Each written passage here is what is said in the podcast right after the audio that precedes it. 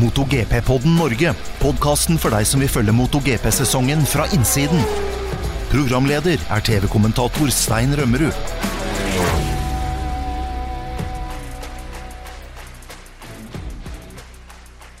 Tida flyr. Det er episode 40 av MotoGP-podden Norge. Det er bare to VM-runder igjen, og det er en ny episode. Vi skal diskutere veldig mye i dag og ha med meg Dag Steinar Sundby og Thomas Sigvartsen. God kveld, gutter. God kveld. God kveld, god kveld. Vi, eh, vi har lang liste nå, for det er jo veldig mye som skjer. Det var jo en VM-runde denne helgen, og nå er det bare 14 poeng mellom eh, Pekko Bagnaya og Jorge Martin. Og ikke bare det, men det er to løp igjen. Det er 74 poeng som er up for grabs. Og vi skal snakke om eh, hva mulighetene er for de to førerne i de to siste VM-rundene som skal kjøres. Det er Qatar og Valencia som er igjen. Og Vi har også eh, en del andre morsomme ting å komme innom. Vi skal snakke om Alex Marquez som har endra kjørestil.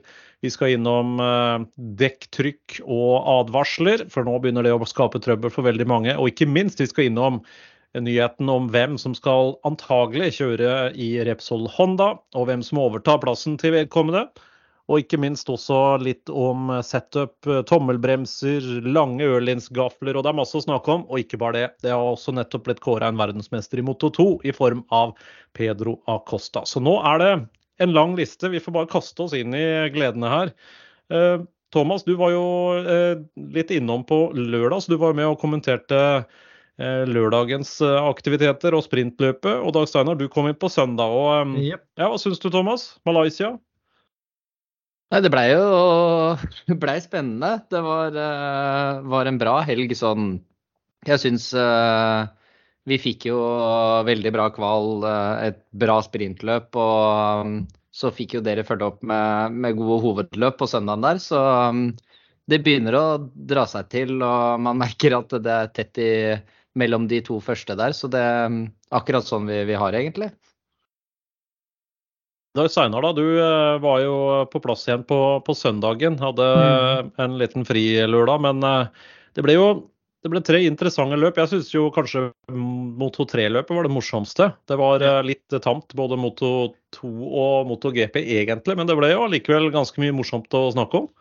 Jo, er jo klart Moto 3-løpet var jo det med mest action og, og, fighter, og det skjedde mest. Og så var det jo eh, de, eh, Det skjedde jo en del i starten på Moto 2-løpet som var ganske avgjørende for utfallet av løpet, og ikke minst også da den tittelavgjørelsen som kom. Og så hadde vi jo Moto GP-racet som blei vel litt sånn Det er ikke det mest spennende, men at det var jo Det blei litt sånn stillingskrig der også, som det ofte blir. Men ja, det var jo eh, overraskende kanskje at Bastianini eh, klinka til igjen.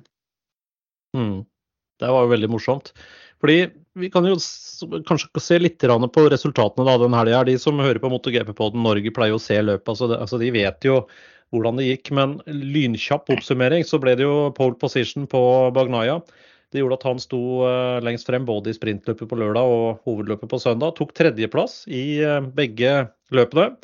Eh, så var det jo eh, selvfølgelig utfordrerne i VM nå. Jorge Martin han hadde nest beste startposisjon. Han ble to i sprintløpet, fire i hovedløpet. Og så fikk vi en skikkelig overraskelse da, på sprintløpet på lørdag. Da var det Alex Marquez som klinka til og tok den, eh, den seieren. Men i hovedløpet på søndag der kom det en enda større overraskelse, for da var det som du sa, Enea Bastianini fra Factory Ducati som faktisk var helt dominerende. og den så vi vel ikke komme, Dag Steinar. at Bastianini plutselig skulle komme tilbake igjen etter masse skader, masse trøbbel. Har jo hatt et håpløst år som førsteårs Factory Ducati-fører. Og endelig, pang, så satt det.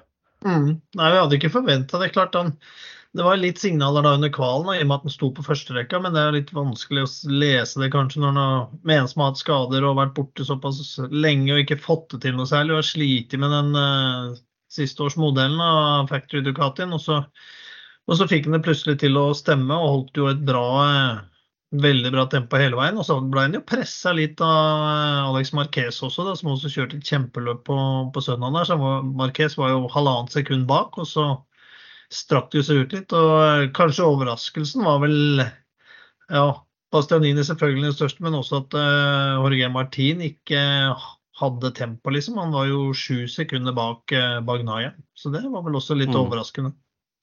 Mm. Men før vi kaster oss over Martin, hva, hva er årsaken til at Bastianini plutselig er så sterk? Det var litt eh, Ja, Thomas, du kan jo ta litt på det tekniske, for det hadde jo litt med det å gjøre. Ja, det er klart det, det, det er et godt spørsmål, sånn egentlig. For, eh, for, det å plutselig våkne til Han har jo hatt en eh, skandalesesong så langt med underprestert så til de grader, og så litt skader oppå, oppå det. Men de hadde jo gjort en del endringer litt med, med motorbrems uh, og litt småjusteringer på sykkelen som gjorde at han ja, tydeligvis følte seg, følte seg bedre. Men han kjørte jo bra på den banen her i fjor òg. Blei, blei nummer to rett bak Bagnaya. Så, så, det er en bane han tydeligvis er fan av og, og liker også, da. Eh, så det har nok en, ja, en, kombinasjon av alt, og sikkert fått en beskjed om at nå er det på tide å levere. Eh, men kanskje bare kopiert litt det de andre har gjort. Og så, og så sitter det. Men uh, det er som du sier, da, vi hadde ikke spådd den der før helga, at han plutselig skulle levere så bra som det han gjorde nå. Vi har jo en uh, kommentatorkollega og, og, journalist som har veldig mye innsikt i oppsett av uh, sykler og dataanalyser. Peter Bom, som uh, jobber bl.a. for nederlandsk TV. Han har jobba for 2D i mange år, vært crewchief for mange internasjonale førere. og han hadde jo gjort litt dypdykk i, i, hva Bastianini har holdt på med, og han fortalte egentlig at det er to ting som har skjedd der. Han sa at for det første så har de enda endra den såkalte strategien for uh, motorbrems, altså engine braking strategy. og hans teori er at de har gått veldig ned på motorbrems, at han uh, bruker mye mindre Eh, motorbrems. Altså på avslag så har man jo selvfølgelig veldig mye motstand i, i motor og drivverk, og det er jo det man kan, kan justere. da. I, I, gamle dager da, Steinar, da vi kjørte på 90-tallet, så husker jeg at hvis man hadde for lav tomgang eh, mm. Når man kjørte racing, så fikk man ofte veldig mye slag i, i bakparten av sykkelen. altså bak, Bakhjulet begynte å stusse og hoppe, og man gikk ofte opp på tomgangen. så Racingsykler hadde jo ofte en tomgang på 1500, kanskje over 1500 omdreininger, nettopp for å for å gi riktig motorbrems egentlig i inngangen på svinga. Dette er jo justerbart elektronisk nå. Eh, og ikke bare det, men man kan også justere hvor mye motstand det er fra eksosen. Man har sikkert sett disse eksosportene som enkelte eh, av racingsykler har. og Det kan også brukes for å stenge spjell og gi mer motstand i eksosen for å gi enda mer motorbrems. Eh, så man kan endre strategi på det og justere hvor mye engine braking man har på avslag. Hvis man går ned på det og bruker relativt lite engine brake, så eh, må man sannsynligvis begynne å bruke mer bakbrems. Og en av problemene til Bastianini er at han ikke har brukt tommelbrems, han har brukt bare fot, altså bremspedal på høyrebeinet. Eh, han har nå fått denne litt avanserte tommelbremsløsningen han også foran denne helga. Og Peter Bom sa han var veldig imponert over hvor raskt Bastianini har, eh, har tilpassa seg det. For den fikk han da på fredag, han var rask allerede på, på fredagen. Så mye tyder på at det har gjort at han har fått en helt annen flyt. Han går inn med relativt høy kurvehastighet, men allikevel har, eh, har, god kontroll på dette. her, og Han fikk jo en veldig bra flow. Eh, hva tenker dere to om, eh, om den teorien der? Peter Boman han kan jo sine ting, så det er helt sikkert uh, veldig riktig det, det sånn. Og ja, da kan uh, kanskje også i tilfeller da, som Bastianini da, kontrollere mer sjøl eh, hvor mye du skal bremse bak og sånne ting. Hvis en har litt friere spillerom eh, på, med den bakbremsen kanskje det han da, hva de har testet og kjørt på før. Da. Så jeg vil tro at han har en kombiløsning både med bein og, og, tommelbrems som det er på mange av syklene. Så at han kan ja, stå litt friere da, til å justere akkurat sånn som han vil at det her skal fungere. Så jeg vet ikke hva du tenker på det, Thomas. Du har brukt begge deler sikkert.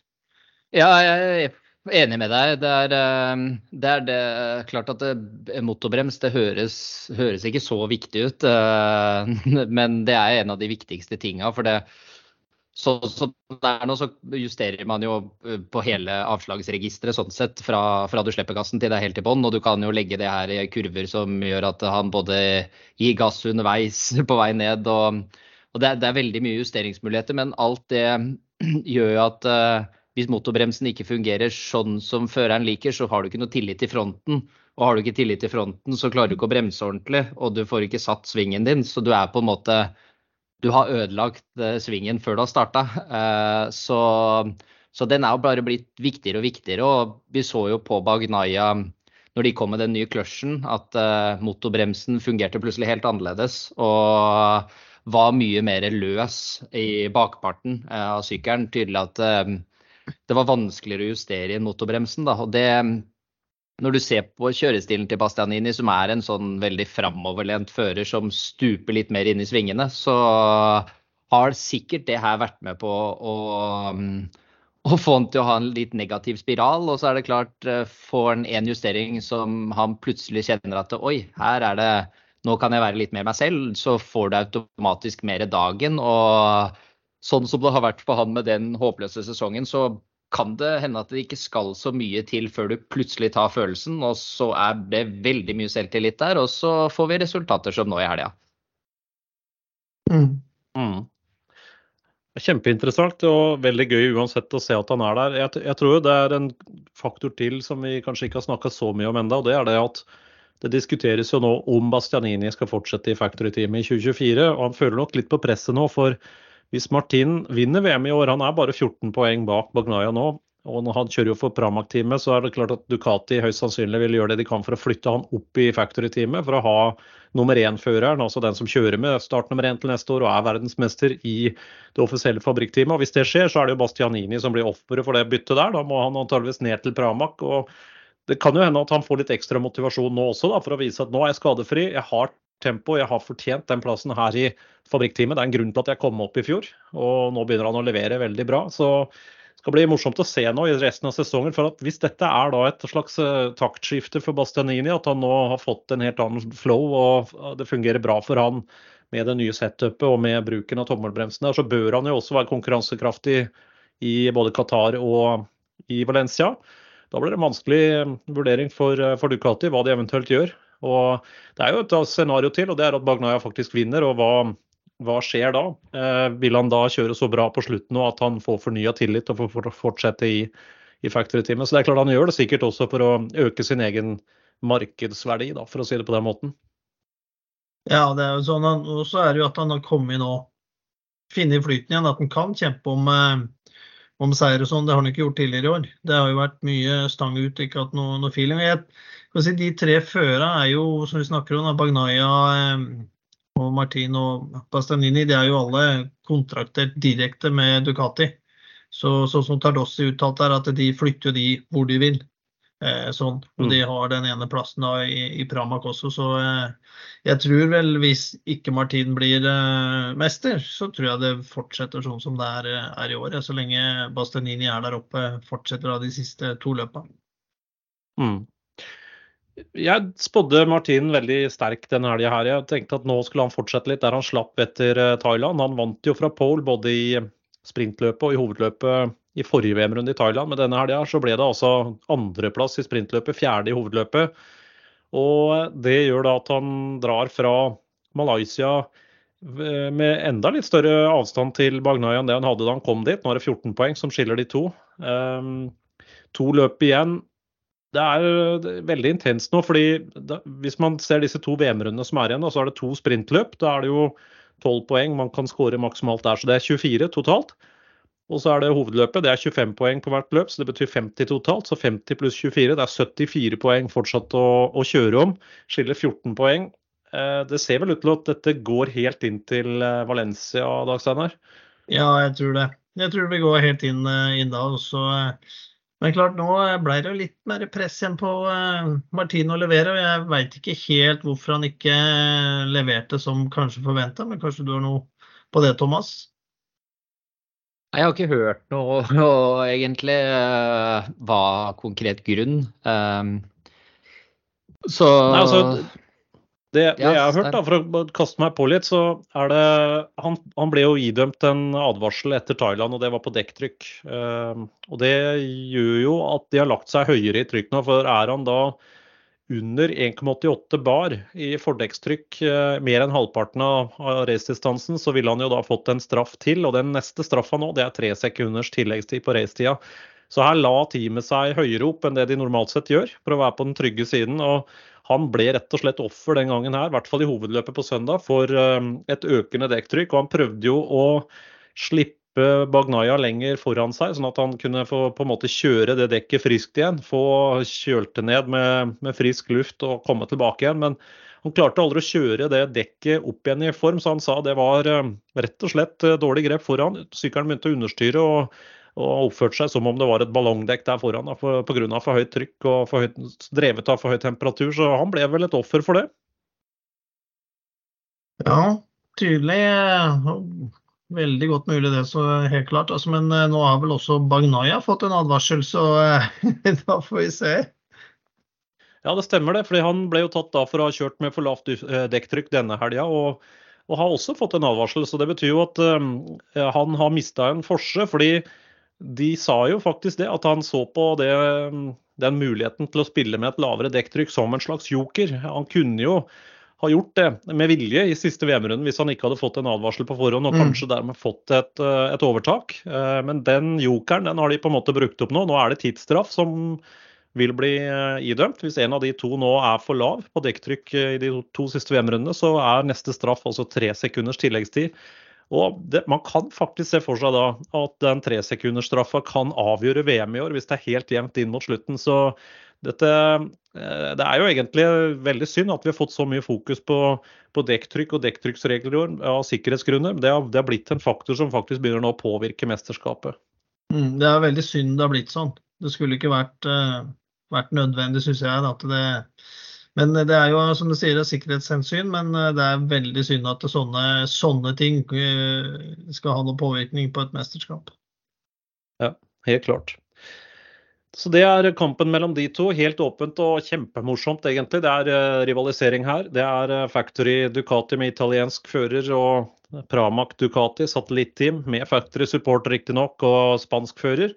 Det har ikke vært noen satellittfører som har vunnet VM siden Valentino Rossi på Nostro Asuru Hondaen i 2001, så dette her er jo langt fra vanlig. Så vi kan få et overraskende VM-resultat i år. En annen overraskelse vi fikk den helga her, det må jeg si var eh, Gresini-fører Alex Marquez. Han vant sprintløpet.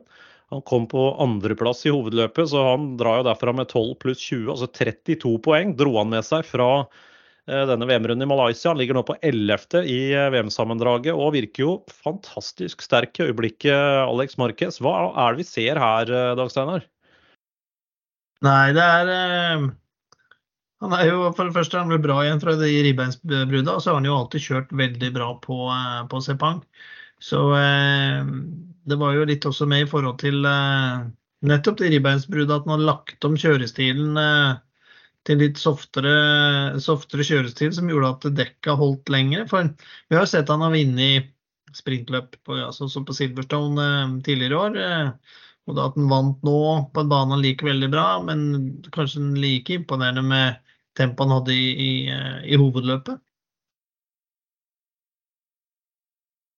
Ja, Han sier jo det selv. da, Litt ironisk at, den, at det ribbeinsbruddet gjorde at han måtte legge om kjørestilen så mye at han nå har begynt å bli mye snillere mot dekka, og tempoet blir høyere. Det holder bedre gjennom et helt løp. og, og Han eh, stortrives jo på den motorsykkelen i øyeblikket. Så Kjempemorsomt å se hvordan han plutselig tar et steg opp. og Det er jo så lett å glemme Alex Marquez, fordi han er jo ikke en sånn Uh, utadvendt toppfører som vi ser uh, storebror Mark og kanskje litt av det vi ser med Martin og, og Bagnaya i øyeblikket. Men han, han, er jo en slow learner. Det tar tid for han å kjøre seg varm i et team og i en klasse. og Det tar tid før han blir konkurransedyktig. Men Vi så det samme i Moto 3. Det tok noen år før han klinka til og ble mester. Det var vel i 2014. Og så samme da han rykka opp til Moto 2. Det tok lang tid da, før han tok den tittelen i 2019. Så han er jo en sånn slow learner som kommer veldig sterkt etter hvert. Da er det litt det vi ser i MotoGP nå også. Er dette da noe vi kan forvente mer av fremover, eller er det bare et blaff, eh, det vi så fordi det er en bane han stortrives på i, i Malaysia? Hva, hva, tror du om det, Thomas? Nei, jeg tror nok ikke det er et blaff. For um, hvis du ser sånn sesongen igjennom med en gang han kom på Ducati, så har han jo vist at toppnivået hans er der. Mye raskere enn det har vært tidligere. Og han har hatt litt stang ut, vært litt skada. Og har nok hatt den der når han først nå kom på en konkurransedyktig sykkel, så gjorde nok det at den kjørestilen hans ble enda litt mer spissa. For at han er en fører som Han ser ikke noe ekstrem ut når han kjører, men han er veldig aggressiv. Eh, og jeg tror når han plutselig kom opp allerede fra de første løpa og var oppe i miksen der, at da blei det litt mye. Og så var han eksplosiv, eh, ikke så flink eh, på longrunna. Og så har det blitt litt eh, krasj og ja, litt rot som ikke har gjort at han på en måte har hatt den stabiliteten. Men jeg syns jo han har levert egentlig veldig bra gjennom sesongen. Så jeg tror nok nå har han bare det er jo ofte så, Mange har jo det når de får en skade, at da blir de tvingt til å gjøre noe annerledes. Og da kommer det noe godt ut av det. Og han eh, opplevde det nå og har på en måte erfart, tatt med seg sikkert veldig mye godt fra, fra helga. Og nå tror jeg nok han kommer til å levere bra de to siste, siste løpshelgene. Og han er jo, er jo, verdensmester to ganger fra før, så det er jo dessverre bare broren eh, til Marquez, Mark Marquez. Så det, det, blir liksom eh, Han blir liksom ikke prata så mye om, men en super fører. Og Det eh, bringer oss jo egentlig til neste poeng i dag, og det er at han får jo en ny teamkollega til neste år i form av nettopp Mark Marquez. Og Mark ser nå hva lillebror Alex får til på den på den uh, Ducatien. De får jo samme sykkel som Bagnaya og Martin kjører i år. Det er jo det de to brødrene skal kjøre med i neste års mesterskap, i Gresini Ducati-teamet. Det er vanskelig å spå om hvordan det kan gå, men vi aner vel konturene av at uh, det kommer to meget raske spanjoler der på, på, de, uh, på de to Gresini Ducatiene. Men Honda har jo lenge hatt en utfordring her med å fylle den plassen etter Mark Marquez. For de vet at han skal ut, og de har jobba med ulike alternativer. Jeg tror faktisk de har hatt dialog med ikke mindre enn åtte førere for å prøve å finne en løsning på hvem som skal inn i uh, Repsol Honda-teamet til neste år. Nå ser det jo ut til, og flere og flere medier skriver også, at det har vært samtaler mellom VR46-føreren Luca Marini og Repsol Honda. Og det ser ut til å bli noe av i skrivende stund, hadde jeg nær sagt. Forrige podkast, som var for en uke siden, da hadde vi hørt rykte om Fermin Aldeguer. Vi trodde kanskje det kunne bli noe. Pål Espargaro hadde også vært på blokka da. Eh, begge de to ble jo avkrefta nå under VM-runden i Malaysia, men eh, dette dette ryktet med Luca Marini til Honda Racing Corporation og Repsol Honda, Dag Steinar, hvor, hvor pålitelig er det? Nei, jeg vil jo, Det har jo vært litt uh, forskjellig på sosiale medier, men jeg veit egentlig ikke. Ja, kanskje godt mulig, men det har vært så mye den siste tida nå med, fra alle vinkler på alle mulige fører. Så nei, jeg tror uh, for min del at bare sette seg litt tilbake og se hva egentlig det ender opp med. For nå har det vært mye, og det er førere, managere, team, alt bruker jo media og sosiale medier alt for å få, eh, få røske opp i ting her sånn. Så eh, det er, eh, det er vanskelig å si. og at ja, Det må jo være at Marini i så fall vil stå på egne bein og ikke være under paraplyen til, til storebror Rossi hvis han skulle gå over. Men jeg veit ikke ennå, jeg også. Jeg, jeg, får bare vente og se. Du er ikke noen god ryktespreder, altså. Veldig... nei, nei, nei. Ja, men da, jeg regner med at du har mer inne. Du, jeg er nok siden Se og Hør-avdelingen her, her, i gården. Thomas, du er jo den yngre garden her. Du har uh, klokketro på sånne rykter. Ja, eller nå, nå, nå, leste jeg i Romerikes Blad at uh, det var en Sundby som var linka til det HRZ-et også. Så enda et navn i, i Nei da, det er uh, Nei, jeg tror uh, jeg, jeg, tror mer og mer på den Marini-nyheten. Uh, I starten så Eller første, første jeg så på det, så tenkte jeg ok, enda et navn på blokka, bare. For det har vært så mye rundt det nå. Det er klart, det er Honda, Repsol. Det, er, det blir alltid mye, mye skriveri. Men når du ser på hva som er tilgjengelig, da, så er det liksom eh, Fabio Giantonio, Antonio, som er liksom ett av alternativene. Og da er jeg veldig mye mer sikker på at Marini er en kandidat. For um, Marini har levert bra i år. Uh, er en veldig lugn, rolig fører som jeg tror kan gjøre en god jobb uh, på Honda. Sånn fordi at de er jo avhengig av å få inn en fører med litt rutine som kan peile litt vei på hvor de skal. Og da tror jeg ikke en som, uh, som Fabio at han er, uh, er liksom den rette der sånn, og, og, det er ikke så fryktelig mange navn igjen. Så um, jeg blir ikke overraska om uh, det blir kunngjort nå i løpet av et par uker at Marini han kommer nok ikke til å skilles fra broren sin, men at han får et fabrikksete, det, um, det, tror jeg nok kanskje han, han gjør. Mm. Og det er vanskelig å takke nei til en kontrakt med Repsol Honda også, selv om vi vet at de har maskinmateriale akkurat nå som ikke er konkurransekraftig. så er Honda faktisk en av de aller mest ressurssterke produsentene globalt. Og de legger enormt med ressurser i denne satsingen. og Vi har sett det før, de har hatt utfordringer. Og eh, de har klart å snu skuta tidligere. Så jeg tenker jo for, eh, for Luca Marini sin del, hvis dette stemmer, da, så jeg, håper jeg for hans del at det dreier seg om en toårskontrakt. At det ikke bare er en sånn veldig løs ettårs, men at han får nå to år, litt ro på seg og kan sammen med Sarko, som også kommer fra Ducati, kan de gjøre en kjempejobb for å for å få Honda tilbake igjen og inn i konkurransekraftig område. Det hadde vært veldig bra for sporten, det hadde vært bra for Honda, men jeg tror også det hadde vært eh, bra for Luca Marini å komme litt bort fra skyggen til storebror Valentino Rossi og stå på egne bein. Og han kan sikkert også tjene såpass mye penger på de, de sesongene der at han kan bli økonomisk uavhengig resten av livet. Det, det føler jeg meg ganske trygg på. Så for hans del får håpe at det stemmer, men eh, vi vet jo ikke noe særlig mer enn dere som eh, lytter på nå. Vi har sett at flere av de relativt velinformerte eh, nettavisene har skrevet om dette her, så får vi komme tilbake til det når det blir bekrefta. For, for VR46 sin del, da, hvis dette skulle skje, så er det jo en ledig plass der. Og da er det jo flere aktuelle navn. Fabio Di Gian Antonio fra Gresini er jo selvfølgelig ett alternativ. Han er jo i markedet, trenger en eh, sykkel, eh, er eh, italiener. Det kan være et alternativ, men det er også et par veldig spennende navn fra Moto2 nå. Bl.a. den føreren som har dominert på kvall og også løpsmessig de siste VM-rundene, Fermin Aldeguer. Kjørt veldig bra på Boscuscoron. Og det kan også være et alternativ. Det er vel det som hevdes på noen av de sydeuropeiske nettsidene om MotoGP. Uh, Dag Steinar, du er vel sikkert der du var i stad. Dette har jeg ikke lyst til å konkludere på eller spekulere i før vi har noen pressemeldinger, men uh, hva tror du, da? Nei, hva tror jeg? Jeg tror vel at det er kanskje de uh, Sånn som markedet er nå, kanskje litt med sponsordeler og sånn, og litt strategien til teamet, hvis de vil da fortsette da med ja, å ha en, en erfaren fører da, som for ett et år fører alle førere omtrent skal i, i, i ny kontrakt, at de kanskje tar Jen Antonio for å fylle det, det, året her nå, når det blir et sånn uh, hulrom etter, etter, Marini. Uh, har teamet en langsiktig strategi, så vil jeg tro at de uh, kanskje kan hente opp uh, Aldegeria.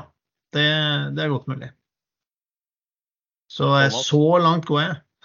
Hva, hva, står det, det kommer seg, det kommer seg. Nei, det, det sto ikke noe om Romer. Kommer kanskje i morgen. Så nei, jeg tror vel um, Nå har jo eller ble det jo veldig mye snakk om at Aldeger var Det var kanskje litt tidlig å hoppe opp. Uh, det jeg har hørt, er at han er i samtale med andre Moto 2-team. Uh, eh, at han har lyst til å ja, vrake teamet han er hos nå, eh, begge førerne egentlig, både Alonso Lopez og, og Aldeger er liksom på vei til noen andre. Så, mm, men jeg har ikke hørt noe mer. Eh, og det er klart Nå har han vært et hett navn de siste ukene, og da er det veldig naturlig å skrive at her har det vært samtaler, og her er det Så jeg tror kanskje det hadde vært det beste for VR46 å gå for en fører som eh, som har uh, litt erfaring, og så kanskje Aldeger etter å ha vunnet VM neste år er et alternativ. Vi får uh, svaret i løpet av uh, de kommende ukene, så det blir helt sikkert et tema i en senere episode av, av podkasten også. Det skjedde litt andre ting denne helga i Malaysia. Vi så bl.a. Aleish Espargaro hadde store problemer. Han krasja én gang på fredagen. Han krasja fire ganger på, på lørdag, så totalt fem krasjer denne, denne helga. Han sa jo selv at uh, hovedårsaken til dette var at Ørlins hadde gitt han nå den lange gaffelen. Altså, de har jo de har to lengder på, på forgafla sine. Den med lengst slaglengde er jo 155, nei, 150 mm uh, vandring. Og det var årsaken, mente han. Det var vanskelig å få feeling med den fronten. og han han er jo sånn all in-fører. Det er jo ikke noe snakk om å prøve seg fram. Her skal det kjøres. Um, Hva, hva, vet vi om dette prosjektet til Ørlins der, Dag Steinar, med lengre, litt lengre slaglengde? Ja, det tror jeg vel kanskje Thomas er bedre til å, å svare på. Men vi vet jo at de har satt på en forlenger hvor de kan uh, få justert høydene i fronten mer enn uh, en på standardgaffelen. Men uh, Thomas står kanskje mer info der?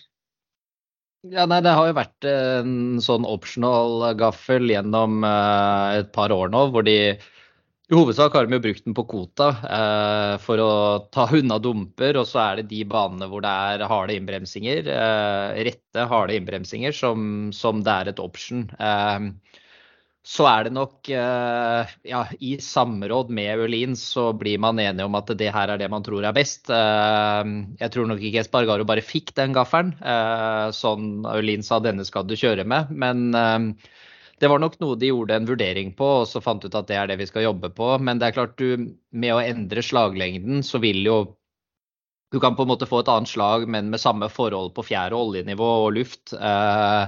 Og det skal jo gi da mye mer stabilitet i harde innbremsinger. Eh, men så er det klart, når du endrer slaget eh, på gaffelen, så vil du også endre geometrien på sykkelen. Som gjør at eh, han kan være i en annen posisjon inn i sving på det man kaller nøytral sykkel, da, hvor man akkurat slipper brems. Og det var vel kanskje det Spargaro sleit litt med nå, å finne noe følelse at sykkelen var endra aningen geometrimessig idet han på en måte skulle, skulle gjøre svingen. og og ikke fikk noe god følelse, da. Så, for det er klart, de vi vil jo gjerne tenke at de gjør veldig mye endringer i MotoGP hele tida, men hvis du går inn sånn geometrimessig gjennom en sesong, så er de sykla så nære der de skal være sånn for den føreren etter de har kjørt gjennom vintertestene, at det er snakk om å endre en millimeter preload, litt stivere fjær. altså det er, det er så små justeringer. og så ikke da at det ikke skjer mye der, fordi eh, de jobber hele tida med å finne noe som er bedre, men akkurat geometrimessig så er det bitte, bitte, bitte lite grann de endrer på. Og mm, det er det vi ser på Espargaro nå. Kanskje litt for mye. Mm. Og feeling er helt avgjørende. Disse førerne må ha god feeling. De må ha tillit til særlig fronten på, på inngangen og, og få, den flyten på plass. Og hvis man ikke har det, så, så blir det enten krasjing eller, eller, for dårlig tempo. Så det er vel kanskje det vi, vi ser nå med Aleix Espargaro og Aprilia. Apriliaene sliter jo også når det er veldig varmt. Det var uh, vanskelige forhold i Malaysia. Vi hadde over 50 grader i asfalten. Vi så 33-34 grader lufttemperatur og veldig høy luftfuktighet. og Særlig Aprilia-førerne sliter jo med at det genererer så mye varme når de ligger i, under kåpeglasset og, og pusher maksimalt. Så de hadde jo til og med nå noen nye luftkanaler for å prøve å få mer frisk luft inn på førerne, men det så ikke ut til å hjelpe nevneverdig. Det var flere av førerne som var veldig utmatta etter, etter, kjøring. Um, vi skal ikke snakke så veldig mye mer om det nå, men vi fikk jo en verdensmester denne helgen også. I uh, Moto 2, ikke noe stor overraskelse, så var det jo endelig da Pedro Acosta som kunne sikre seg VM-tittelen. Han eh, tok jo da sitt andre mesterskap, fordi han vant jo også Moto 3 på første forsøk da han kjørte den klassen. I år så har han tatt 14 pallplasser, syv seire. Og selv om det nå gjenstår to VM-runder, så er han, eh, er han, klar. Han er verdensmester, og han er også da tidenes yngste verdensmester i Moto 2. Det er kun én fører som har vært yngre enn han i den mellomste klassen det, uh, som verdensmester, og det var uh, Dani Pedrosa tilbake i 2004. Acosta er jo et spennende navn. Han eh, begynte å kjøre motorsykkel allerede da han var fem år gammel. Og ble jo etter hvert plukka opp i noe som heter Pre Moto 3 i Spania. Da tok han seieren sammenlagt der. og han, Det var vel i 2017. Så kjørte han FIM Moto 3 junior-VM. Det som nå i dag kalles for Junior Grand Prix i 2018. Og vant det, og vant også Red Bull Rookie Cup det samme året. Han er jo et stortalent. Ehm, du kjenner jo litt til den satsinga der, eh, Thomas, og, og, har eh, litt mer kjennskap til, til Acosta. Hva, hva, er det som gjør at han er så spesiell? Eh, nei, han han er en veldig vanlig gutt som har en ekstremt god arbeidsmoral. Og det tror jeg egentlig er hovedgrunnen til at Pedro er så god som Pedro er. For han er helt vanlig, ikke mm, noe høy på seg sjøl. Dra på jobben, altså trening, hver eneste dag. Og mm, vil virkelig noe. Han kommer fra ikke noe som helst Altså familien har ikke noe penger, har jobba dag og natt for at han i det hele tatt skal få kjøre litt motorsykkel. Og jeg er veldig takknemlig for det han har fått sånn gjennom racingåra. Og jeg tror rett og slett altså Det som er med Pedro, det er det vi så i år òg, er at han, han, er et arbeidsjern. Han bare maler på og spiser opp. Derfor uh, blir han jo kalt shark. At han, han, kommer bare og spiser alle som, som små fisk. Han er um, en bitte liten gutt med, med, en enorm innsats og vilje. og um, han eh, er selvfølgelig et talent, men eh, han jobber eh, hver eneste dag for å bli så god som han er. Og jeg tror Det her er ikke det siste vi har sett av Pedro. det kommer til, å, kommer til å bli en av de store navnene i GP-sammenheng sånn historisk. Det er jeg ganske sikker på. Mm. Han kjører jo en Calex i Moto 2-klassen nå, og det er jo en motorsykkel du kjenner godt også. Du har jo kjørt Calex i det spanske mesterskapet og og har mye erfaring med, med, den. Når du ser kjørestilen til Pedro Acosta nå, hva er det som gjør at han er så rask? Hva er det han gjør med den Calexen som ingen andre får til? Nei, det, Pedro er eh, han, han er ikke noe X-faktor sånn å se på på noen som helst måte, men han er ekstremt effektiv når han kjører. Og det har jeg sett når jeg har vært på banen sammen med nå, at uh, du beundrer litt over hvor effektiv han er. Han gjør alt riktig hele tiden. Eh, plasserer seg liksom på rett sted til rett tid hele veien. Og, og, gjør akkurat det han trenger for at den motorsykkelen skal gå fort. Og det er nok litt hvordan han er lært opp på. For han kan kjøre fort på alt som har to hjul. Eh, og mye av, mye av treninga hans er på veldig dårlig redskap eh, og veldig dårlig dekk. Og det er liksom det skal fortsatt kjøres så fort som man blir enige om. og det, mm, det har brukt litt mer tid på Moto 2-sykkelen å liksom eh, tilpasse seg i forhold til hva han gjorde på Moto 3. Men, eh, for der var han ekstremt rask eh, fra, fra første stund i junior-GP. Men eh, Moto 2 tok litt lengre tid. Men eh, det er den effektiviteten som er eh, For han er liksom ikke den som ligger breiest, henger mest, men han gjør alle de rette tinga. og det mm, som sagt, jeg har vært på bane sammen med ham, og det, det, er ganske sinnssykt å se på hvordan han håndterer en motorsykkel. Han skal jo opp til eh, MotoGP til eh, neste år nå, og inn til KTM.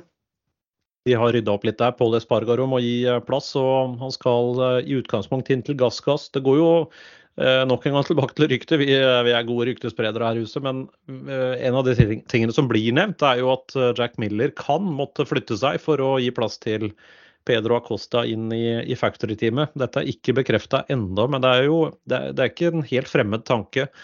Eh, Thomas, hvis du hadde vært ansvarlig nå for førerkontraktene og hvem som skal gjøre hva i KTM, hva hadde du gjort? Det hadde ikke vært greit å være fører i KTM. Nei, jeg, eh, jeg, er jo egentlig litt sånn uh, jeg, jeg, jeg, føler litt med Miller. Uh, for jeg, jeg syns på en måte at Miller har gjort veldig mye bra uh, når han var hos Ducati, uten at han fikk noe særlig ros for det. Og så har han på en måte blitt offer med en gang han kom til KTM, og han har tatt med seg ekstremt mye bra inn til KTM har vært en viktig brikke for at de, de har den sykkelen de har i dag. Så, sånn sett så syns jeg han fortjener liksom å, å, få et år og, og kanskje vise um, hva han er god for på den sykkelen. Men på en annen side så er det, det er vanskelig å si nei til å ha Pedro og, i teamet, da. Så jeg hadde nok ikke vært fremmed for å, å, se på mulighetene for å gjøre et bytte der. Men sånn eh, for Miller sin del så håper jeg at han får lov å være et år til. Eh, Pedro har mange, mange år igjen. Eh, og det Miller begynner jo å, bli litt voksen, så mm, men hadde jeg vært sjef nå, så det hadde ikke vært noe enkelt. Men jeg hadde virkelig vurdert å gjøre et bytte. Det, det skal jeg ikke nekte for. Mm. Han uh, har jo skrevet noen uh, rekorder allerede. Jeg var inne på det. Som sagt, nest yngste gjennom tidene som har vunnet den mellomste klassen. Han er den yngste i Moto 2.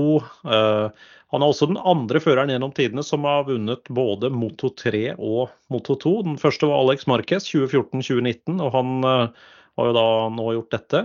Andre oppsiktsvekkende ting. Han kjørte den første Moto 2-testen sin. Det var på Portimao før sesongen i fjor. Satte ny banerekord på Portimao første gangen han kjørte Moto 2-sykkel. Eh, det, det, ble lagt veldig godt merke til.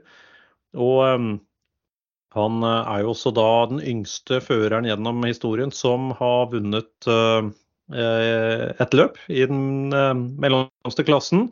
Det var jo i fjor på Italia Grand Prix i på Mugello. Da var han 18 år og fire dager gammel. Da han vant et Moto 2-løp der, sitt første. Han slo rekorden til Mark Marquez. Han var 18 år og 87 dager da han vant uh, sitt første Moto 2-løp. Det var Frankrike Grand Prix i 2011. Så her er det mye rekorder, og han blir lagt merke til. Har veldig god statistikk, ligger faktisk foran Mark Marquez. Men jeg syns jo det kanskje morsomste eh, sitatet av eh, Pedro Acosta den helgen her, det var jo da han ble spurt om han er den nye Mark Marquez. Og så sa han nei, det er jeg absolutt ikke, men jeg er Pedro Acosta. ja. Han er jo en karakter. Ja, han er, han er jo det. det. Han mangler ikke selvtillit, i hvert fall. Han er morsom, men uh, ganske oppsiktsvekkende intervju inne i Park Fermé. Da Simon Crayford skulle intervjue han. Han var, um, han var så utmatta og sliten og påvirka av både varme og alt som hadde skjedd, at han, uh, han måtte kaste opp. Så han spydde faktisk to-tre ganger under det intervjuet. Det har jeg ikke sett før inne i Park Fermé. Nei, det er ikke noe vi har sett. Og så etterpå så sa han nei, nå er jeg ferdig. Nå er jeg klar. Når han kasta opp siste gangen der.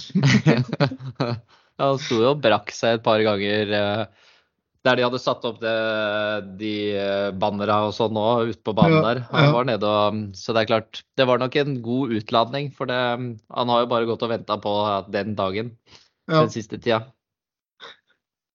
Ja, det er helt klart. Så endelig så satt det. Og han er uh, nybakt verdensmester, det kan ingen ta fra han. Han har uh, to titler nå og blir MotoGP-fører til neste år. Og jeg er helt enig med deg, Thomas. Jeg tror uh, vi kommer til å få se store ting fra den kanten i, i tida fremover.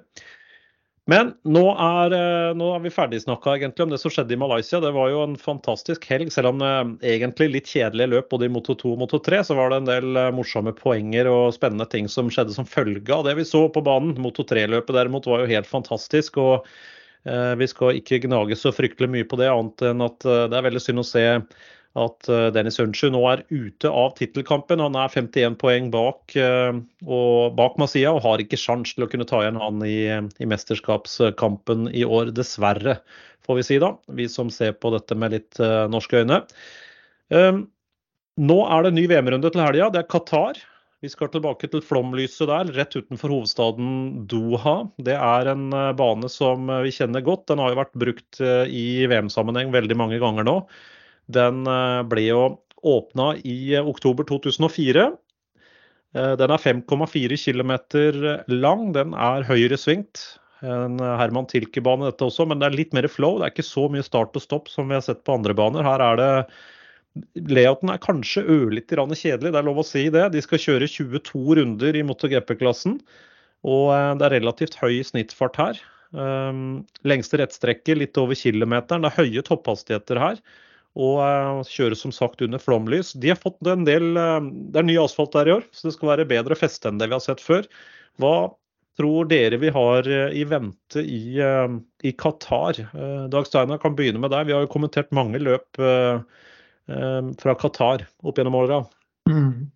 Ja, det har, det har vi jo. Jeg tror også MotoGP der. Så jeg har en følelse at da kanskje Jorge Martin kommer litt tilbake. Det er jo litt flow. og uh, Han har jo kjørt, uh, kjørt fort, men klart det blir jo, det blir jo tett uh, hele veien. og vi har vi har de raske Ducatiene om eh, Ja, vi får se om Alex Marquez fortsetter der også. Og så Bastianini på Det kan være litt flere nå som er, eh, er med der og fighter. Betsecki kanskje finner litt formen igjen etter eh, kragbeinskaden. Så jeg tror det er ganske åpent. Men det er jo klart, det er jo Martin og Bagnaya det som fokuset vil være på. Men jeg tror også andre kan komme opp og, opp og fram der og sette preg på løpet. Mm. Thomas? Ja, nei, Det er jo de Ducatiene, da. Det, seks Ducatier som det står mellom, tror jeg, på neste løp. Nei, det er eh, Jeg tror de kommer til å, til å, være der, og det kommer til å være en stillingskrig mellom Bagnaya og, og Martin. Så, så, får vi se om det ja, jeg etterlyste jo at de skulle liksom ha en sånn fight eh, mann mot mann. Vi fikk jo lite grann av det i sprintløpet, men jeg kjenner jo at jeg sitter og er nervøs på begge to sine vegne gjennom hele løpet. Så om det blir litt strekk i feltet, sånn som det var på, på søndag der, så er jeg pisse nervøs hele løpet, egentlig. Så det, jeg syns det er spennende. Det er det, er, eh, det, har liksom dratt seg til, og det sitter liksom og venter på at en skal gjøre en feil, eller at det, det skjer noe sånt. Så mm, det er klart det er de fokuset vil være på, og så er det litt åpent. Vi får se nå. Bastianini må jo gjøre det bra det løpet her, og egentlig siste løpet, hvis vi skal friskmelde han. Så det er jo en liten joker oppi det. Og, og Alex Marquez, da, så um, men uh, håper Jorge Martin slår litt tilbake igjen nå og, og, tar litt poeng, sånn at det er enda tettere når vi går inn i Valencia-runden. Mm. Ja, for det er jo uh, voldsom Ducati-dominans i øyeblikket. Vi så jo i um, søndagsløpet nå i Malaysia, så var det jo Ducati på de fire første plassene. Det har skjedd bare én gang før i historien. Det var jo i um, Italia tidligere i år. Så det er voldsom dominans der nå. På kvaliken så var det seks Ducatier lengst frem. Eh, tre pluss tre. Tror du det er noen andre merker som kan hevde seg her i, eh, i Qatar? Eh, jeg tror det er vanskelig eventuelt Binder, da. Så jeg vil jeg tro, hvis han er med der oppe. Hvis han får ting til å fungere igjen. Mm. Hadde ikke den beste helga nå. Det var jo en del problemer som endte med en krasj. Men eh, jeg tror kanskje det. Han er ja, det, eneste. I fjor ja. ja.